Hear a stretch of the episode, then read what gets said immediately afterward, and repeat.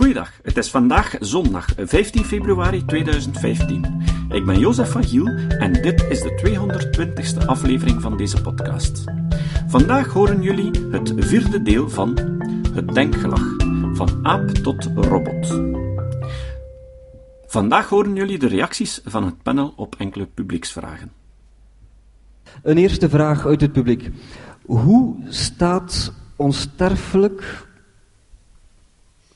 onsterfelijkheid ten opzichte van overbevolking? Is dat ja, elitair ten opzichte van solidair?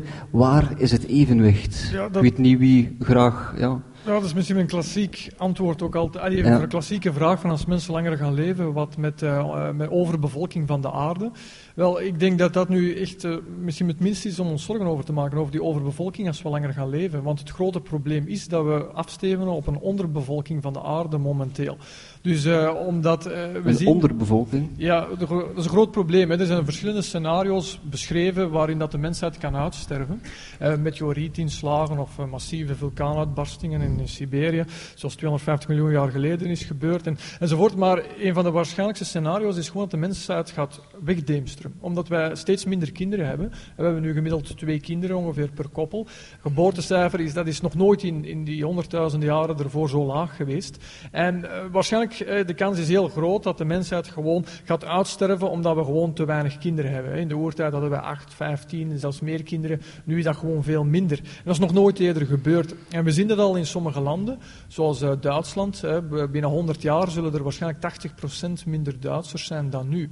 Dus natuurlijk, als mensen langer gaan leven, dan kan dat opge- opgevangen worden in het begin. Natuurlijk blijft niet duren. hè. Als mensen onsterfelijk worden, dan, zal er natuurlijk wel een, op lange termijn, maar zelfs volgens computersimulaties zou dat pas binnen duizend jaar enzovoort zijn, een echt probleem komen van overbevolking. Maar, ik denk dat de ja. wetenschap daar ook oplossingen zal voor kunnen bedenken. Martijntje, u Ja, heeft de- u ik twijfels? Ja, ik begreep, de, de vraag is, van, is, wordt die onsterfelijkheid, als dat gaat lukken, geen probleem eh, voor de, de bewoning van de aarde? Ja, eh, overbevolking, als we met veel mensen zijn, dan is dat een- misschien een probleem voor overbevolking. En zal dat niet elitair zijn Ja, eh, het, nou, het van solidair? wat, wat, wat Chris geeft is verrassend, maar ik denk heel speculatief. De, de onderbevolking is een van de mogelijke scenario's, maar het lijkt me een heel speculatief scenario. Nee, dat is echt een eh, ramp. Eh, we ja, hebben we- nog nooit meegemaakt dat er zo weinig het- kinderen worden geboren. Het zou een Dus, scenario ja. kunnen zijn, maar is een de zeer trend is natuurlijk scenario. dat we naar, we groeien Inderdaad. zeker naar 9 miljard en wat Ja, er daarna. maar daarna gaat het al Maar rond 11 miljard. Maar er is verondersteld in de vraag inderdaad dat het zou gaan lukken, allereerst. En ehm, dat we langer leven. En eh, nou, mijn antwoord op de vraag, ik, ik, ik zie dat wel als een probleem. Ik denk, het, zou een van de praktische problemen zijn die gepaard zouden gaan met eh, langer leven, dat, we, dat het veel drukker wordt. Maar ik zie nog veel andere praktische problemen daarbij ook, die niet noodzakelijk hoeven te gebeuren, maar waar we wel over na zouden moeten denken. Als mensen langer leven, het is een zegen zou je kunnen zeggen, dat zou één praktisch argument kunnen zijn, dat er mensen, dat mensen sterven en regelmatig ververst worden. Eh, de, de Arabische lente zou niet gebeurd zijn als zeg maar, we allemaal heel lang zouden leven en niet er een hele grote groep jeugdigen is die weer een nieuw, eh, die weer een nieuw eh, regime wil stichten.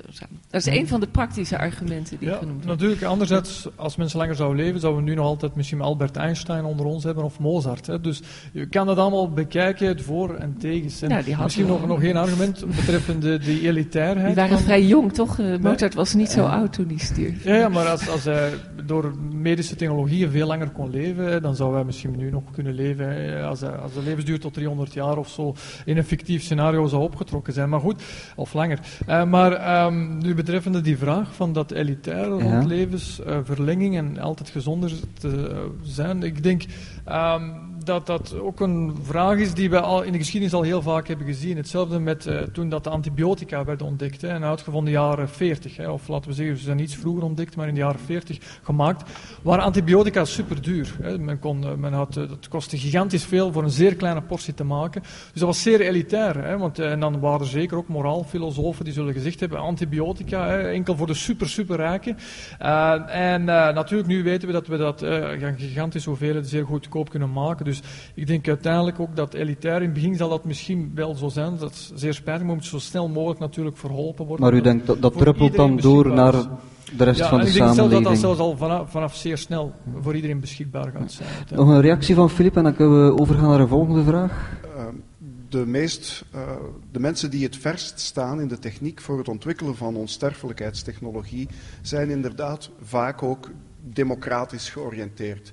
En een, een versnelde democratisering van uh, onsterfelijkheid zien zij als een van de conditio sine qua non voor het uh, realiseren van de technologie. Uh, bedenk eens een wereld waar dat een elite die technologie voor zich houdt en de rest van de wereld weet dat ze het voor zich houden. Dat is onhoudbaar, die, die, die, die, die, spanning. Nu, in verband met het, de vraag, het is een vals probleem dat onsterfelijkheid tot overbevolking zou leiden, ook al om een sleuteltechnische reden. Het is exact dezelfde technologie die ons in staat zou stellen om onsterfelijk te worden, die ook de schaarste zal oplossen. Nanotechnologie, meer bepaald. Dus door middel van nanofacturing enzovoort. En dus dit hele denken van overbevolking is, is kenmerkend voor een schaarste denken. En wanneer je inziet welke technologieën er aan het aankomen zijn, besef je ook dat dezelfde technologie het uh, mogelijks overbevolkingsprobleem oplossen en eigenlijk een, een vals probleem maken. Maar de, de, aarde is toch begrensd, dus je kan toch geen moleculen maar, maar ook dat toveren? Is weer, maar ook dat, is weer, dat, ook dat is weer kenmerkend voor schaarste denken, want in dit universum is er niet alleen de aarde. Er is nog heel wat ruimte ginderboven. En alleen nog maar in dit uh, zonnestelsel kunnen we heel wat planeten gaan bevolken. En na dit zonnestelsel is er een heel uh, ja. melkweg. Ik, ik geloof hier helemaal niets van, hè? Ja. wel, ik, ik, vind dit ook wel kenmerkend voor iets er, ja. dat ik met veel transhumanisten al ben tegengekomen. Voor elk probleem van één technologie wordt een andere technologie ingeroepen of eh, een ander aspect van de technologie die dat dan wel weer zal oplossen. En zo heb je vaak in het techno-utopisme en optimisme altijd een soort eh, uh, techne ad machina, of ja, eh, machine ad machina, die altijd maar weer neerdaalt en dat lossen we dan wel zo op. En dan gaan we natuurlijk de ruimte gaan koloniseren. En dan zullen we natuurlijk ook wel uh, dit uh, veranderen hebben. Ja, het lijkt mij toch maar, onwaarschijnlijk om het schaarste denken zo gemakkelijk opzij te schuiven. Wel, Martijntje geloofde er ook niet onmiddellijk in? Nou, ik, ik, inderdaad is het schaarste denken heel heel, heel diep in het denken over technologie verankerd. En in het moderne denken. Uh, maar in mijn optiek is het ook een soort seculiere, dus niet religieuze vorm van het oude verlossingsdenken. Want het is, het is gericht op het overwinnen van de schaars en het overwinnen van de grenzen van de natuur. En dat, de, de belofte is er steeds van, nu hebben we een technologie kunststoffen, nanotechnologie, robotica, waarmee we dat kunnen overwinnen. En wat, je, wat ik zie is dat die technologie steeds een backside heeft, waardoor dat weer niet komt. Met, met tijdswinst is dat bijvoorbeeld ook zo. Want steeds is er dan een machine waardoor we iets sneller kunnen doen, waardoor we bijvoorbeeld meer vrije tijd hebben. Nu is die, bij de robotica dat een hele duidelijke uh, vertoog, zeg maar. En wat je dus steeds ziet, is dat er een omkering is dat bijvoorbeeld e-mail beloofde weliswaar dat je sneller kon brieven sturen, maar inmiddels worden we zo overladen met e-mails dat we minder tijd hebben in plaats van meer. Nou, dus er is altijd een rebound effect. Nog, nog één reactie en dan gaan we wachten over naar de volgende vraag. Er, er is altijd zeker een keerzijde aan elke technologie, daar zijn we het zeker over eens. Maar ik denk dat uh, die keerzijde, allee, dat de voordelen veel groter altijd zijn dan de nadelen. En zo, om uw mail te zeggen, e-mail is ongelooflijk. Je kan in een seconde of zelfs minder mailen naar overal ter wereld, corresponderen met wetenschappers aan de andere kant van de wereld. Dat is ongelooflijk, in een fractie van een seconde. En natuurlijk, soms kan uw mailbox helemaal vol zitten. Zeer vervelend, maar uh, ik denk, die, er wordt altijd gehamerd op die nadelen, maar we zien niet de gigantische voordelen. Hè. Dat is ook een evolutionair mechanisme van de hersenen, om vooral te focussen op negatieve, maar goed. Maar zelf ook met die techno-utopie, ik denk dat we daar zeker ook niet te ver in moeten gaan.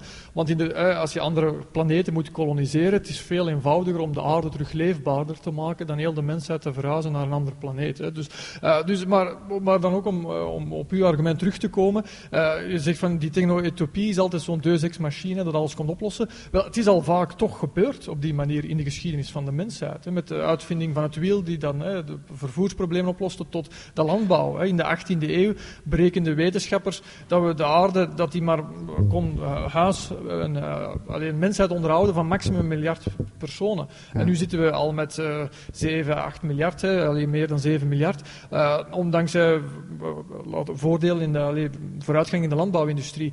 Dus ik denk, de geschiedenis heeft al toch meermaals bewezen dat we voor veel vervelende problemen zoals hongersnood, wat dus ja. tot een paar honderd jaar geleden een gigantisch probleem was, kunnen oplossen. En ik denk dat, ik ben hoopvol in de wetenschap dat we toch nog veel problemen, niet alle problemen, maar okay. wel kunnen Een oplossen. volgend vraagje.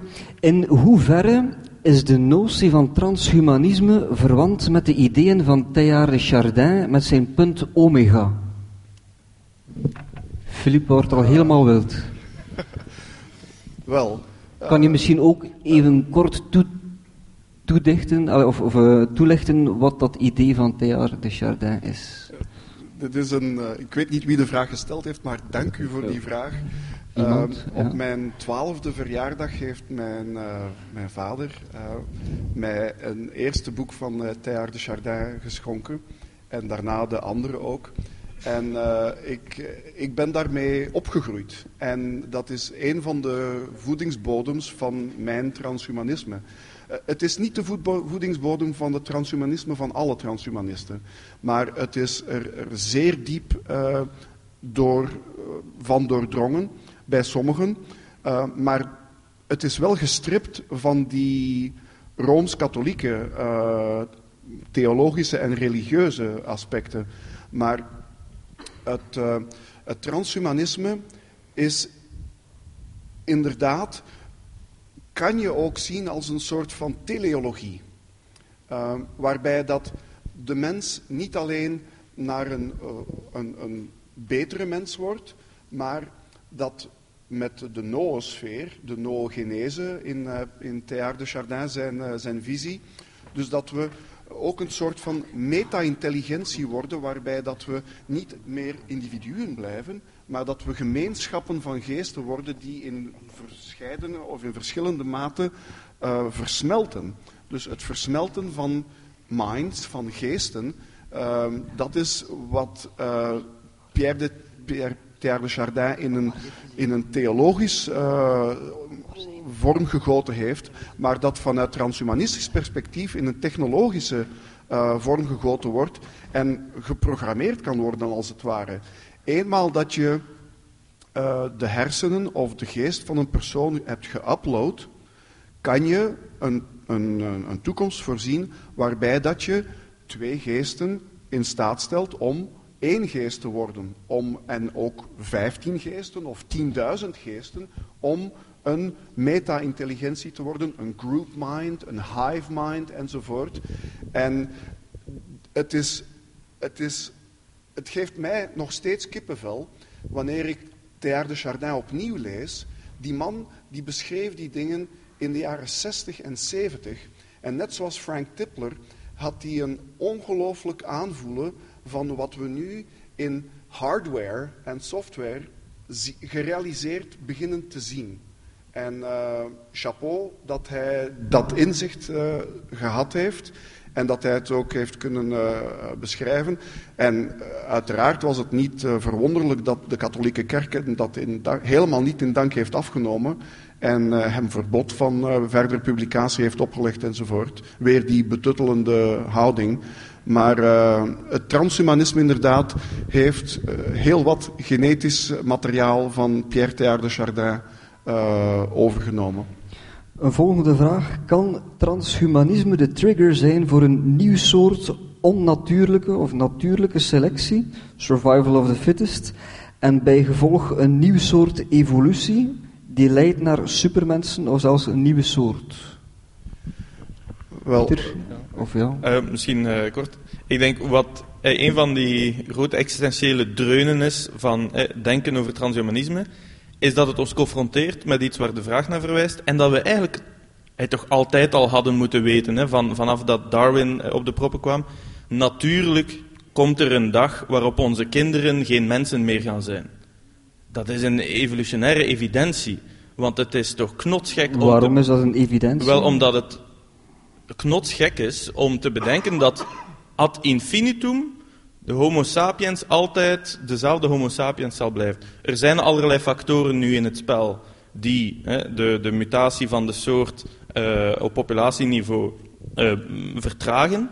Maar desalniettemin, ja, in een evolutionair begrip moet je ervan uitgaan, zeker als de transhumanisten vandaag hè, van zich laten horen, dat sowieso ons nageslacht zal, vroeg of laat, en wellicht vroeg neem ik aan, geen mens meer zijn. Dus dat is iets dat evident, denk ik, het geval zal zijn.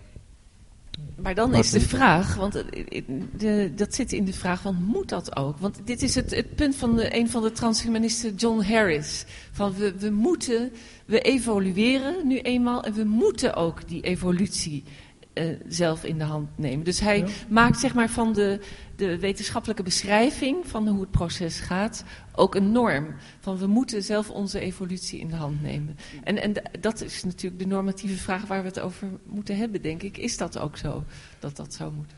Dat is het denken van één transhumanist en dat is niet representatief voor het uh, transhumanisme in zijn geheel. Nu, een probleem in het transhumanisme, en dat heb je in heel wat uh, denkrichtingen, is dat vraag aan tien transhumanisten hun definitie van transhumanisme en je hebt tien verschillende definities. Maar het, het uh, niet aanvaarden van coercion, van normatief denken, is een van de thema's ook binnen uh, zeker de libertarische transhumanisten uh, je, je verplicht. Dat is ook voor, bij die onsterfelijkheid. Het is iets dat een keuze wordt. Uh, er, is, er, is, geen enkele transhumanist, uh, die naamwaardig, die jou gaat zeggen van, jij moet onsterfelijk worden. Nee, als jij geen zin hebt om onsterfelijk te worden, if you insist, we'll let you die. Wel, ik weet niet of nog dit... één reactie en dan kunnen we nog een paar, dan ja. kunnen we het bijna afronden. Uh... Ik heb al achter de schermen geblikt van transhumanistische bijeenkomsten en dit klopt niet volledig. Hè. Er leeft heel sterk bij de transhumanisten een verachting van degenen die niet willen onsterfelijk zijn, degenen die niet zo enthousiast zijn over technologie. Zo wordt er, hè, de, de term is gekend, gesproken van als je geen tra transhumanist bent, ja, dan moet je wel een deathist zijn, een dodist. Dan moet je wel een soort akelige doodsdrift hebben. Um, dit, is, dit is zeer courant. Gaat het over Nick Bostrom en Sandberg, waar je op bezoek was uh, tijdens je... Wel, ja, onder andere... Wel, allez, zij zullen zich niet zo snel daarop laten betrappen, hè, maar op het internet, ik zou zeggen, zoek de term deathism op. Hè, en dan vind je een hele waslijst waar er met enorm, enorme verkneukeling wordt uitgekeken naar en dit, ik verwijs naar de vorige vraag, naar de transhumanisten die op de ark van Noah zullen springen wanneer de technologische vloedgolf komt. En zij zullen gered worden en goden worden. En al die sukkels en bijgelovigen en doodsdriftigen en kromzittenden, zij, zullen, oh. hè, zij zullen krom kreupelhout worden, terwijl de transhumanisten vrolijk eh, naar de godsgelijkheid afdrijven. Wel, misschien ja, Chris? een kleine opmerking. Dat zijn ook allemaal extreme. Hè? Dus uh, inderdaad, bij elke beweging heb je extreme. En je noemt die extreme nu. Ja, uh, ik geloof niet dat alle transhumanisten zo zijn. En dan buiten transhumanisten heb je nog een heleboel wetenschappers die gewoon, ja, dat is ook geen kwestie van moeten. Het is een, uh, het is nu, de mensheid heeft altijd getracht zichzelf te verbeteren. Van shamanen in de oertijd die iemand een mos op zijn hoofd legde om hem te genezen, hè, of, of willige bast gaven om de koorts te beteren, tot uh, uiteindelijk nu, dat zit in de mens om andere mensen te helpen, om het voor zichzelf zo goed mogelijk te maken. Ja, maar er is wel iets anders. Hè? Dus als en nu doen we net hetzelfde en we noemen dat soms transhumanisme, we noemen dat technologie, we noemen dat wetenschap. Je, je, je, zei net van dat Chris alles in één pot stopte, maar ik denk dat, er een, een, dat we over die verschillen juist moeten nadenken, dus die je nu weer op één hoop gooit. Als een sjamaan een hand oplegt, of als je bijvoorbeeld probeert uh, een boomgaard aan te leggen om meer vruchten te hebben, is iets wezenlijk anders dan wanneer je in het menselijk lichaam gaat zitten sleutelen. Maar in de oertijd en daar is zeg maar de, het transhumanisme ja, op gericht. Maar, in de oertijd heeft men ook al hersenboringen gedaan hè, om, om de mensen te genezen. Dus dat, dat, zit gewoon inherent in de mens om andere mensen te helpen en het leven voor iedereen zo goed mogelijk te houden. En ik denk dat we dat moeten omarmen. En je hebt extreme uh, en uh, uiteraard moet je niet laten afschrikken door de extreme. Nog, ik denk, nog een leuk vraagje. Hoe ervaart een bewustzijn de overgang van een biologisch naar een digitaal substraat? Wel, dat is een zeer interessante vraag. Uh, als ik daar al even heel kort mag op antwoorden, want ik heb u al een paar keer horen zeggen over ja, de geest uploaden hè, naar een machine. Ik denk dat dat zo eenvoudig niet is uiteindelijk. Hè. Het wordt heel vaak verkondigd, uh, alsof dat, dat hè, wel mogelijk gaat worden. Maar als je ook kijkt naar theorieën van neurowetenschappers zoals Damasio en anderen, dan zie je dat waarschijnlijk voor de geest dat dat niet zomaar los kan staan van het lichaam. En dat dus wel altijd een soort van substraat moeten hebben in de werkelijkheid, vooral via sensoren, hè, feedbackmechanismen van tast, geur enzovoort. En, uh, en of dat, dat nu uw vinger is of uh, een oog, of dat is een sensor die druk kan registreren of, of visuele prikkels. Denk je altijd dat, dat je altijd dat lichaam substraat gaat hebben. Misschien kan dat ook gesimuleerd worden, maar dan ga je niet meer echt zo spreken van iets dat esoterisch in uh, de digitale werkelijkheid zweeft, maar toch nog altijd iets dat ingebed zit in de werkelijkheid. Want het is daarin waar dat mens is geëvolueerd en is op aangepast. Dus ik denk niet dat het zo eenvoudig is om gewoon maar een geest up te loaden. En wat gaat die voelen dan uiteindelijk? Je kan wel een simulatie maken, je kan neurale netwerken ontwikkelen, maar voelen die neurale netwerken ook? zal die iets anders, zal dat bewustzijn iets anders voelen die, wat denkt Dat zou kunnen, Wel, dat, dat weten we op dit moment nog niet, maar heel belangrijk hier is dat er verschillende manieren zijn die vooropgesteld worden voor uploading te realiseren. Er zijn er die gradual zijn, er zijn er die destructief zijn, er zijn er niet-destructieve. Als je op het internet gaat zoeken, je kan er een tiental vinden, verschillende approaches, verschillende benaderingen om uploading te realiseren. Op dit moment weten we geen uh, weten we niet welke van die tien of twaalf zal slagen. Misschien zal er zelfs geen enkele slagen. Maar degene die ik het meest toegenegen ben, is die van professor Theodore Berger. B-E-R-G-E-R, niet Burger. Dus Google op, op, die naam en bekijk de video's en, en zijn werk. Die man heeft fantastisch werk gedaan. En die is zelf ook transhumanist. En, uh, en dus hij werkt aan het uh, USC. Wat, wat die man al gedaan heeft, is hij is erin geslaagd om in de hersenen van een rat, de hippocampus, dat is een onderdeel, dat is een functioneel onderdeel van de hersenen die de mens ook heeft, die het, uh, belangrijk is bij het moduleren van het lange en korte termijn geheugen. Dus hij is erin geslaagd om een, rat te trainen zonder, uh, met, met zijn hippocampus. Daarna de, een, uh, een, chip naast die hippocampus te plaatsen en die chip te laten luisteren, als het ware, naar de input en de output van de hippocampus.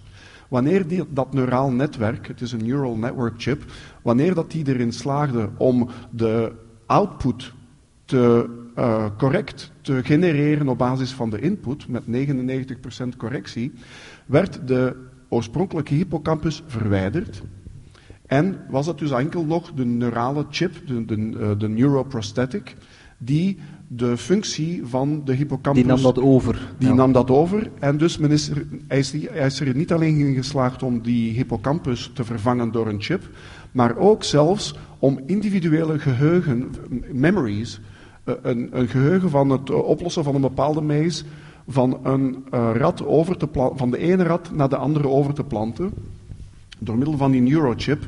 En dus een rat, een rat die nog nooit door een, een, een, een doolhof was gegaan, werd een geheugen gegeven van een rat die dat wel al had gedaan. En die heeft die, die maze dus sneller opgelost. Dus u denkt dat zijn project het meeste slaagkansen heeft om wel, daar te geraken? Om, om... Ik, ik, ik, hoop dat. Waarom? Omdat, het, omdat dat, die benadering bekend staat als gradual uploading. En die is niet destructief.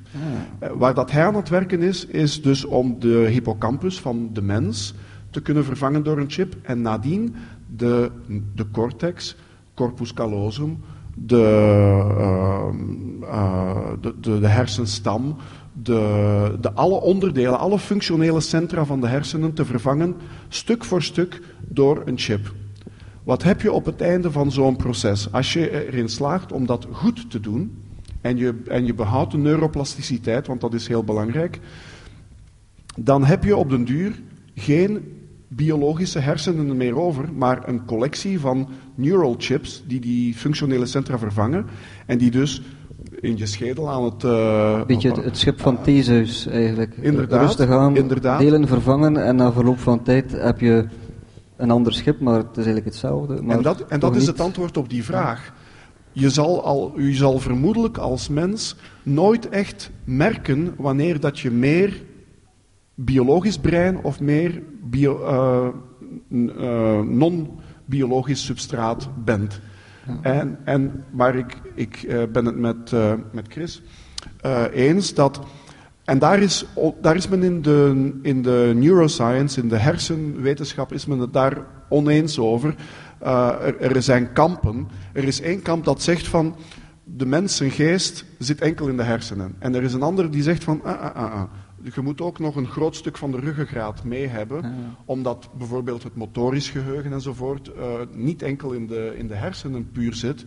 En dus ik ben eigenlijk dat kamp toegenegen. En ik denk dat als je de functionele centra van de hersenen vervangt door neural, neural chips, plus uh, ook de ruggengraat kan vervangen door. Dan kom je chips, dicht in de buurt. Ja. Dat, dat dus, je dan inderdaad. Uh, op den duur volledig kan overschakelen naar een volledig niet-biologisch substraat. Dat zijn zeer interessante experimenten en uh, ongelooflijk uh, boeiend eigenlijk wat men kan bereiken. Maar de vraag is, als men natuurlijk eh, dat gedeelte van de hersenen van de muis vervangt door een chip, wat gaat die muis eigenlijk nog voelen? gaat die, nog, die kan zich wel een weg banen door dat doolhof, maar gaat ze dat dan misschien doen als een soort van robot? Gaat ze niet dat gevoel hebben dat ze die weg moet kiezen, maar gaat ze dan gewoon niks voelen? We weten trouwens zelfs niet of dat muizen een bewustzijn hebben of niet, maar waarschijnlijk wel. Maar goed, uh, dus hetzelfde toen me ook denken aan een experiment dat gedaan is, waar dat men met een MRI-scanner uh, mensen beelden liet zien. En uh, dan heeft men de hersenen scande men ondertussen. En dan komen uh, dus die informatie uit die scan, heeft men een neuraal netwerk op toegepast. En dan kon men terug uit die informatie van die scan eigenlijk dat beeld terugzien. Dus men zag heel vaag, hè, men toonde dus op een scherm een vogel die fladderde. En dan, dus die scan zag dan, die genereerde uit die hersenactiviteit eigenlijk ook een fladderende vogel. Heel vaag, maar dus je kon zien wat, wat die persoon zijn bewustzijn zag. heel prachtig. Maar natuurlijk, dat beeld van die fladderende vogel, hè, uh, dat getoond wordt op een scherm, dat scherm is niet bewust van die fladderende vogel. Dus, het, dus je zou de hersenen van een mens volledig kunnen vervangen door, uh, door digitale zaken, maar gaat die mens nog iets voelen of gaat dat gewoon een heel complexe neuraal netwerk gestuurde robot zijn zonder emoties? Let's find out. Nog, ja, nog een uh, laatste opmerking van Martijntje en dan gaan we de avond rustig afsluiten. Nou, ik, ik denk dat wat we nu horen, ook van jullie twee, dat dat voor de meesten heel vreemd zal zijn. Het is een soort science fiction-achtige fantasie. Die, die, heel, die past bij die, die wetenschappelijke fascinatie om te kijken wat er kan. Maar dan is de volgende vraag natuurlijk, wat voor betekenis moeten we daaraan geven? So what? Ik, ik heb het al druk genoeg met mijn eigen brein. Ik, ik, zie er helemaal niks in op dit moment om mezelf te verenigen met 15 andere breinen. Dat lijkt me eigenlijk een, een horror, horror scenario. dat, dat, noemt Facebook, hè? Ja, maar dit is precies... Het is al een beetje bezig, hoor. Nee, maar zo zou je inderdaad er betekenis aan... We hebben blijkbaar misschien al bepaalde situaties waarin wat er dan een beetje op lijkt. En dat is precies dus wat we ook de hele tijd doen met nieuwe technologieën, proberen aan die fantastische mogelijkheden die eigenlijk alleen in het laboratorium nog een betekenis hebben, om daar ook praktische en sociale betekenis aan te geven, te duiden. En dat kan heel veel kanten op. Maar wat, wat we vaak doen is daarbij, zeg maar, de dingen die we al kennen projecteren op die ideeën, die, die mogelijkheden. En dat op die manier, zeg maar, zeg maar, zoals de auto een koets werd gevonden, zeg maar, in eerste instantie, en de e-mail een brief. We zullen ontdekken, als we dit, zeg maar, gaan, zouden gaan toepassen, dat het heel anders gaat werken dan wat er beloofd wordt. Misschien lijkt het een utopie om te mergen met al die breinen, maar in de praktijk zal er ook een hele hoop nieuwe soort vraagstukken ontstaan. Bijvoorbeeld, wat is nog een subject? Kun je nog voelen? Hm? Oké. Ehm, ik denk dat jullie het ook gemerkt hebben dat het een ongelooflijk complex en zeer breed um, thema is. Hè. We kunnen hier nog een paar weken over bezig zijn. Maar we zullen het hier afsluiten. Ik zou u toch nog uh, uitnodigen om nog een drankje te drinken. De sprekers van deze avond zullen hier ook nog eventjes rondhuppelen. En u kan ze aanspreken mocht u nog verdere vragen hebben of willen discussiëren. Ik wil um, in elk geval de sprekers bedanken. Martijntje, Filip, Chris en Pieter. En ook jullie voor, uh, om af te komen. Dank u wel.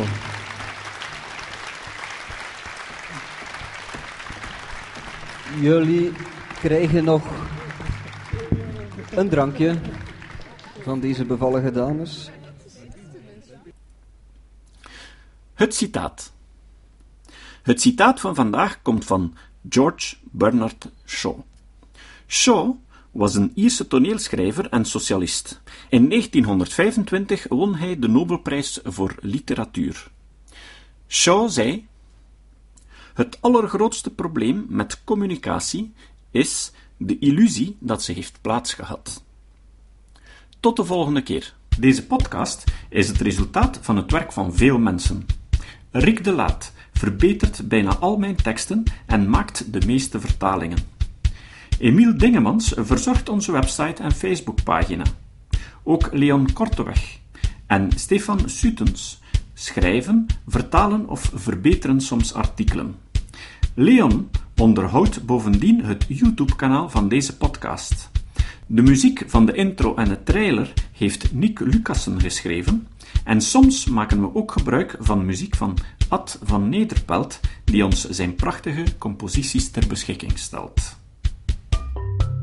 Dit was de podcast Kritisch Denken. Vergeet niet om alles kritisch te behandelen, ook deze podcast. Voor verdere informatie over deze podcast, links en voor de tekst, surf naar www.kritischdenken.info. Als je deze podcast belangrijk vindt, kun je me steunen door anderen warm te maken ook eens te luisteren. Stuur een e-mail naar vrienden met een link naar de website en plaats de link in de handtekening van je e-mails. Tevens kun je op iTunes deze podcast een beoordeling geven of een recensie schrijven. Of je kan op je eigen website of blog een link naar kritisch denken plaatsen.